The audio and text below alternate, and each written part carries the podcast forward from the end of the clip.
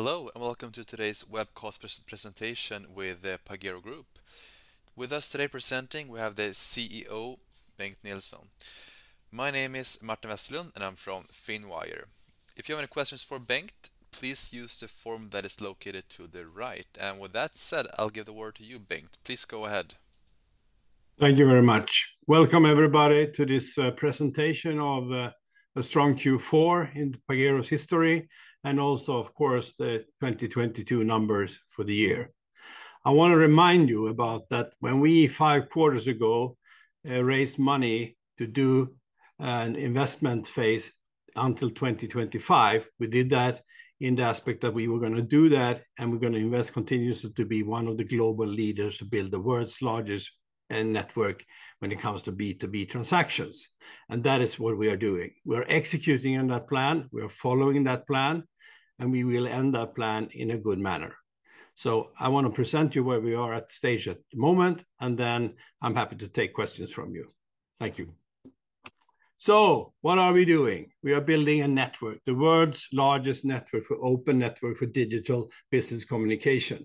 I think I can remind you about the days when telecommunication was here, when there was a lot of entities, a lot of networks in the world, when you had one mobile phone to each network, and it was sort of a tedious process to communicate with networks or communicate with anyone that connected in the network. What we are doing, we are bringing all this together and seeing that multinationals or Tier 2 companies or anyone that are trading globally can access anyone, anywhere in the world and do the messages they need to perform their business in a very efficient way. And that is all what network is about. It is a tool should be open, it should be open to everybody, and should also be have the ability to take all business messages, not just a few of them. And that is Pagero Online, and our people have done a tremendous work in Q4, both from an R&D perspective, from a delivery perspective, and from a sales perspective, and we are performing according to the plan we have laid a couple of quarters ago. Uh, if we look at it, we are connecting governments. We're connecting governments that have an infrastructure that they are complying companies to uh, comply to, of course. They say that we have a legislation, you need to connect to us, you need to report it, otherwise you cannot send invoices in this country. And this is all over the world. This is spreading, and we will now see that we foresee that in 2025, the majority of the countries of the world will have that compliance. And we are preparing our product to be able to deliver this, and we do that because our customer is demanding it. With one single connection to Pagero platform, you can connect and do your business anywhere where you operate in the world, and that is our offer to the market. If we look a little bit at where we are, we have 30 offices today. We have built out not only the product to support us all over the world, we have built out also the organization. And it's important to understand that this goes hand in hand. If you don't build organization, only product, you will lose. If you build only organization and no product, you will also lose. You need to do this in a very strict and and, and planned manner, and if you do that correctly and do that in a good way, you will be one of the leaders in, in the end, and we plan to be that. We have over 700 people in the organization employed today. We are in 30 countries with our own offices. We are also having over 85,000 customers connected directly to the platform. We can also roam, so we can also connect over 14 million companies in the network at the moment, growing as we speak. If you look at this map, we have R&D centers in Sweden, we have R&D centers in Germany, in Sri Lanka, we have in Mexico City and Santiago. And all these people at these places is continuously developing the product to see that we will be in the leader position when it comes to technology. This is a technology race, but it's also an organizational race to be able to perform for the large companies of this world, the mid-range company of this world, so they can sell their products wherever they are on the planet. If we look at the numbers, Uh, 2022, we have the target, as I said, for 1.5 billion in 2025, with an EBITDA margin of 20%. We are heading that way. We are going that way. We will see during the 2023 that the numbers will go closer upwards to the profitable levels in the group. It will turn during the year, but it's also according to the plan we laid. It's very hard to build a building, have tenants in the building before you built it, but we are now building the building. The building are getting up all over the place, and we are getting tenants all over. And the interesting thing is that our customer base, our loyal customer base, is buying most of what we do. When we come with a new country, most of the guys exporting in that part of the world will use Pagero Network for their business when they want to trade. If you look at it, net sales growth, there was some organic, there was some non-organic growth in this, is 36%. I will come back to that. ARR growth was 27% in the year. The recurring revenue, 87%, strong, and 87% gross margin. All these numbers are good, and the customer churn is very, very low, which is a sign of that we are doing a good job, and our customers like to work with us and continues to work for us. When it comes to the EBITDA margin, it is negative, but it is deliberately negative, because if we do not invest in the technology today, if we do not invest in the organization today, we will not be the leader in what we do tomorrow. And I think a lot of companies now are focusing too much on the EBITDA margin to sort of say that, "Oh, we are very good at saving money." We could easily turn this company into a very profitable company if we stopped investing. But if we stop investing, we will sooner or later stop growing. And I think this is important for everybody. Everybody likes a company that wants to take the chance to become one of the leading, leading vendors in a field, a sector, needs to to uh, be be safe and understand that investing is part of the whole game. If we look at this from another point of view, the Q4 was a purely organic quarter, where net sales amounted to 169.6 million. There was an organic increase of 26%, and that is good. ARR amounted to 604 million plus, an increase of 27%. Okay, people can say, "We lost some money." Yes, we did. But what did we do? We prepared the platform, we prepared the technology for Japan, for France, for Germany, et cetera. We do that deliberately. We don't do it because of chance. We do it because we know legislation incoming. Our markets will quadruple in the coming years, and with the access market, we have possibility to address, and I think we are doing absolutely the right thing. Of course, I do that. I wouldn't run this. Anyway, cash flow, -1.8, a little bit less than 8.2 it was in the comparable same quarter, Q4, the previous year, and we have a very strong cash position. We took this money into the company because we wanted to develop a plan, and I think that that's something that should be recognized. Spain has announced country-wide e-invoice requirements. It will come now in this year, and we have started to to push our plans to do that. We will also see France have also announced it, and I'll come back to this later in this presentation. Sorry. Uh, did we do some wins? Yeah, new logos. If you look at the Fortune 500 companies today, we can we can record over 50 of those are customers of Pagero Network. And of course, they don't use it for the whole operation because it's not compliance in all of the countries they are operating today, but it will be. So we hope and think that they will increase their usage of Pagero Network as the time goes by and legislation wins wins in country by country. And we are prepared to do that, prepared to deliver that, and we will do that, all following the plan we laid five quarters ago. If we look at it, we have new logos in automotive service companies, new in electronics company, we are new in the in the digital infrastructure companies, we are new in the healthcare, the upsells. Uh, we have uh, a extremely loyal customer base, I would say, that you see in the sign of the churn, it's very low, and they use Pagero, and they like to use Pagero for their business.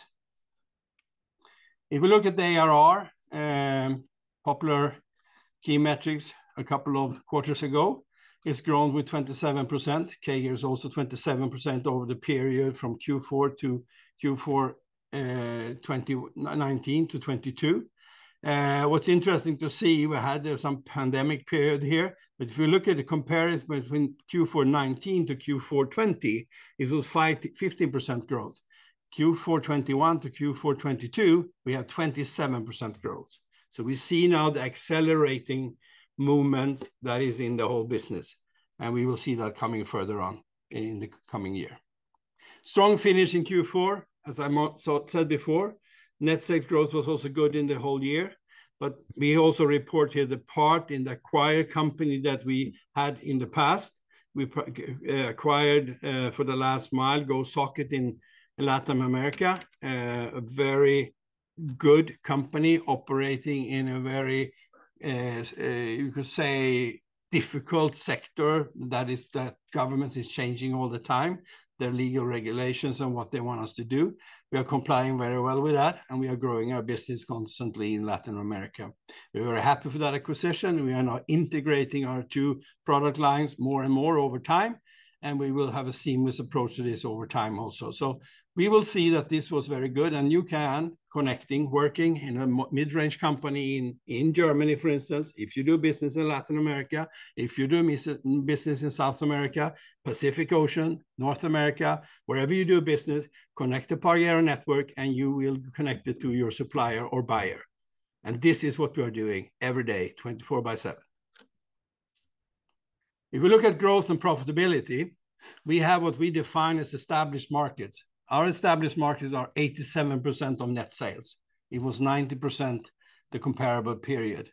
We have a strong growth in established market of 18%, and we have an EBITDA margin of 35. So the Rule of 40 is 53. It's grown from 44 to 53, so we are performing very well, and we foresee a continuous growth of profitability in these markets. When it comes to investments market, which is now 13% of our total net sales, it was 10% in the past, we have a growth of 88%.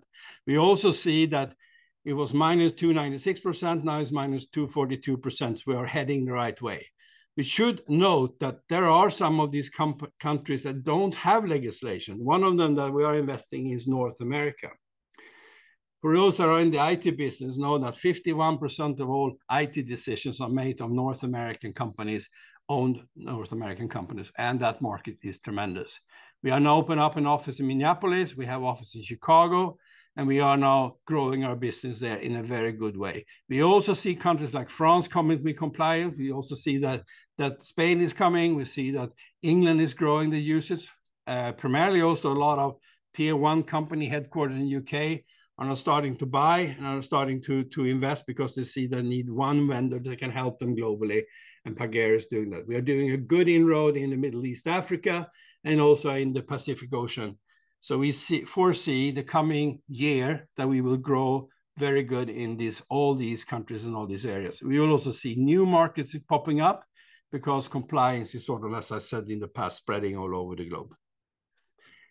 EBITDA margin, profits, profits will come. You will see during 2023, turning of our cash flow. We will see a turning of the profit levels and increased. We are heading for 2025, but it would be very foolish of us today to cut cost in R&D, to not do the investment and make it possible us to enter Japan, to make it possible, uh, the largest uh, one of the largest export markets in the world, to enter tons of markets all over the uh, of the globe. But we are doing that. We are gonna do that deliberately because we believe that that's what our shareholders bought into five quarters ago, and we will continue to do that, and we're gonna prove that that was the right thing to do. If we look at growing customer base usage, we had over 10,000 new customers in 2022. We have a strong growth in revenue and usage from the existing customer base. Our partner community, important to know, we are investing very, very much and a lot of resources into joining us or partnering up with companies doing ERP system, doing tax revenue systems, doing uh, uh, doing uh, workflow systems, et cetera. Everything that's supporting the data that is in the network. We believe we're not gonna compete with these guys. We mean what we say when we mean partner operation. We're gonna be totally honest, we're not gonna develop things that incur of their business because we believe they are focusing on what they do. They will do that much better than us, but we're working together, integrating so that we have seamless flow for our customers to use all these things in one environment. A proof of that is that 58% of our new sales in 2022 came from existing customer base. That is strong. I know working in the past from the ERP business, and that was roughly around 40%, so I really like to see these numbers uh, here. And we see, you see the transaction volumes are growing. We are not calculating our, what we call compliance transaction, which are, are, are really, really huge, especially in South America or Latin America. Uh, but we'll do that from the coming quarters, that so you will have a good transparency in what we do in that sector also. Uh, yeah. M&A, we have acquired during the year R&D operations from Creative Technologies in uh, Sri Lanka. It was in March. We did that because we had a full control of R&D department that was outsourced in the past. We are investing further in Sri Lanka to grow that team. Uh, we really appreciate what we have done there, and it's doing very well. We are also investing in R&D in Mexico City. We are investing in R&D in Santiago. We are doing, investing in R&D in Düsseldorf. We do it also in the Scandinavian market or Gothenburg, the specific place, and Stockholm. All this to make our product more and more competitive, complying to more markets, spreading the possibilities of us to service our customers in a more wider spectrum than only in certain countries. I know that Scania didn't invest in North America.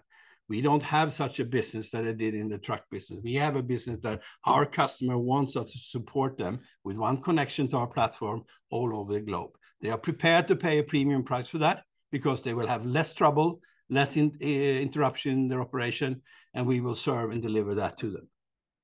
If we look at the world, 2022 regulatory highlights, we will see that this is coming now in 2024, which means that we can start selling already.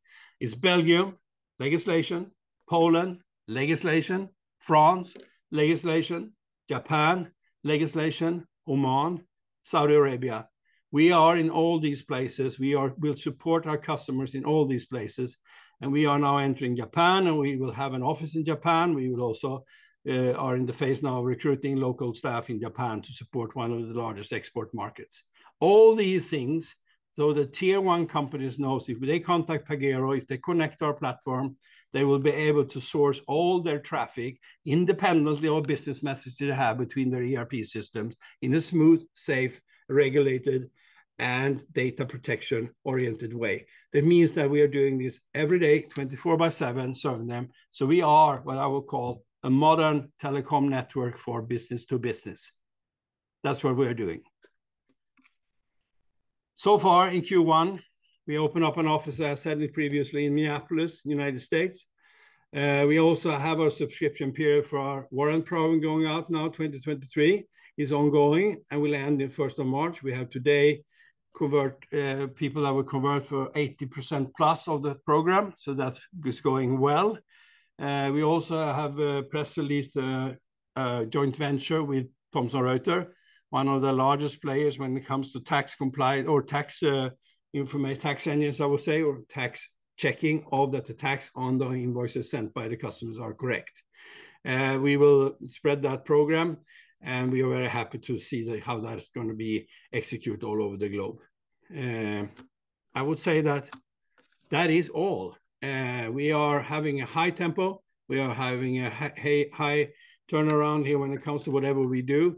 But I to address to all your shareholders and say we're very thankful for your support, uh, but we're doing our utmost to create one of the largest players in this sector, in this segment, and I really hope that you will um, enjoy the ride, so to speak. Welcome. Thank you very much, and ready for questions. Thank you, Bengt, for that presentation, and I will jump straight into the Q&A section. Take the first question here. Could you give an explanation of uh, how all government regulations driving the market affects revenues and costs slash investments for Pagero? Okay. Uh, what we do, we scan. We have our our um, compliance department scanning the market all over, looking at what is happening, following regulations. We work with some other guys that are connected to us, that gives us insight. We see what is happening in the market. We we uh, start adopting the platform, so it will support the business message that could be demanded by a local local country, a local legislation, so to speak, and we implement that, I would say, 12 to 15 months ahead of things happening. When things happening, we are ready. We are discussing then if we should do a global Eh, support only, or we should be locally competitive. If we're gonna do globally, we don't invest in any local staff, then we don't see that it works, and we service the customer we have in the network. If we go for a local approach, we're gonna be a local competitive player also, then we invest in setting up offices, and we are setting up that we can be sort of supporting the market from a local point of view. And that is very important when it comes to adjusting the price point. So we have another price point if we are locally competitive than if we're globally competitive, of course, in the market.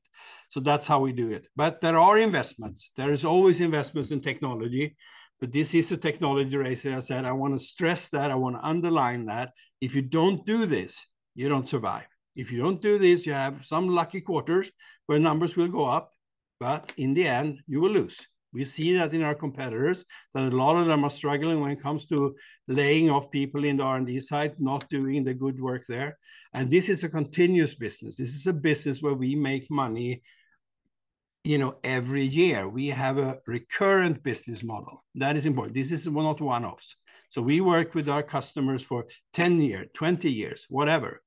And of course, that is a much more trustworthy and reliable business than doing one-off businesses. Thank you. Uh, appreciate that you're ramping up growth investments, but average employee cost increased 27% quarter-on-quarter. Is there anything special impacting this line? You could say we increase, uh, we increase the cost, of course, of employees, where it's, uh, the one is, of course, the natural labor cost that is increasing within the IT industry. That's, that's the way it is. Another one is, of course, that we do investments in market prematurely to things happening. We have invested a lot of money, for instance, in the partner operation that we have, which is fueling the business now, and we are working there. Over time, this will be very lucrative and very good when we get all these things, eh, in in sort of, what you call it, connected to the platform in an automatic way. And we will see eh, that the increase in number of people will decline over time in the next coming quarters. But we had to ramp up the operation. We had to see to that we can support 24/7. And of course, the volumes, as they are recurrent, are increasing. That means that we will spread out the revenue uh, over less staff, so to speak. Very strong and accelerating organic ARR growth this quarter. Could you highlight the main drivers behind this? I would say legislation. Legislation is the main driver. Uh, legislation makes people understand that digitalization is something we have to do. It's it's sort of not a demand-driven market in a way, it's more of a must-have market. Well, I need to invoice in Indonesia. I need to invoice in Turkey. I need to invoice in India. How should I do it? Should I do it myself, or should I have someone helping me do it? How can I follow the legislation so I can continue to invoice? All these things are question for people operating globally. And when you have done that, you start a sort of a bandwagon where you can look at, "Oh, what do I do with my order flows? What do I do with my transportation flows?" And so on. I mean, we have over 700 hospitals connected in Germany, all doing supply chain with us in Germany for their operation theaters and for their operation when it comes to medical devices. All these things are key things, important things for both the people, of course, that are operating it and running it, but of course, also for for the guys that are sort of being using the stuff that is coming to these places. So it is essential. Could you speak a bit on EU's ViDA proposal and what potential that opens up for you, and do you see any direct impact? Yes, we see that already. Uh, the ViDA directive is a way of checking that the VAT cross-border is complying to rules. So no one sort of ask the government to get VAT back, that is not uh, or uh, oh, can't do it, so to speak. They are they are not have the, they shouldn't be able to to ask the VAT back. So it's a control mechanism for governments to increase the or or to lower the the VAT fraud, I would say. And we will support the ViDA directive globally. We are already doing most of it, and we will see to that we will comply to this. rule. This will simplify it for companies working cross-border also in their administration. And uh, yes, the answer is yes.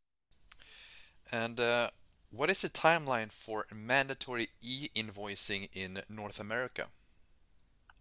Uh, that's a special task. We are today in a project with Federal Reserve, and some other large companies, to look at the possibility to do a test operation in U.S. between some large Tier 1 companies to see how this could work out. Uh, as you know, uh, the devil is in the details, but it's ongoing. Uh, we are mostly in U.S. today supporting inbound traffic for automation reasons, and we are supporting American companies operating globally. But over time, we will see that the North American market, for of course logical reason, is a fairly complex tax market. And the way of using then Uh, e-invoices, if we talk about only invoices in this case, will automate and will drive efficiency. So it will come, but it's not there yet, and I have no date. You have about 0.5 billion SEK of interest-bearing liabilities and borrowings on your balance sheet, but you do not report any financial expenses. Why is this, and can you help us understand? Okay, uh, when we were okay, when we were uh, setting up the finances for trying to buy the tungsten operation, we borrowed uh, money from uh, a new entity, so to speak, a new company that was operating in this market. We had a very good negotiation with them, and when we did that, we said that, "Okay, for the next coming years, we don't want to pay any interest-bearing Uh, uh, debt."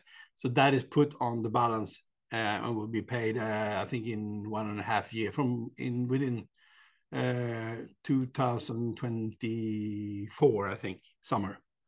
I could be more... I'm not all accurate there. So that's why it is put as a, as as an add-on to the liabilities we have. Okay, thank you. Do you see any slowdown in demand from the macro backdrop, or should we expect, Uh, or should we continue to expect about 20% growth in 2023? Um, I'm not gonna give you any prognosis, but you're definitely gonna expect growth. Uh, you're gonna expect good growth, and uh, I don't see, as I said in the past, this is not really related to us that much. I mean, the way of, of course, if the industry stops working and everything goes berserk, then it will, of course, impact all companies. But in general, you could say this is a must market. Companies need to do these things to get their business going, uh, independently of the economy. But of course, transaction volumes are always there, uh, impacted by trade, and if trade goes down, it could go down, but we see no signs at the moment. I have a total different opinion than a lot of others in this sector, but that's my personal opinion, so we can take that at another time. But I think it looks pretty good. Okay, thank you. How has Q1 started for you guys? Started very well, very strong. Uh, we are um, we are bullish about the quarter. We are also bullish about the year, and we see that the organization, I'm coming back to that, is tapping in all over the planet. We have nine regions. They're all delivering well. Uh, people are doing an excellent job. Uh, so we believe definitely that we will show good growth, good numbers going forward in 2023. And uh, What does the M&A strategy look like the coming year, and do you have any plans for new acquisitions? We have plans. We are looking all the time. We are looking mostly where we can sort of grow our numbers in certain markets. There could be markets where we are a little bit too small, a little bit too light, and we want to become a more heavy contender in there. So we are looking at a couple of those. Uh, so there will be add-on uh, add-on acquisitions that are sort of supporting the platform and the network. Yes. Okay, perfect. That's all of the questions that we got in for today. Thank you very much, Bengt, for being here presenting and answering all of our questions. And a big thanks to all of you who followed today for Pagero's presentation. I hope you have a great rest of the day. Thank you very much, and until next time. Thank you.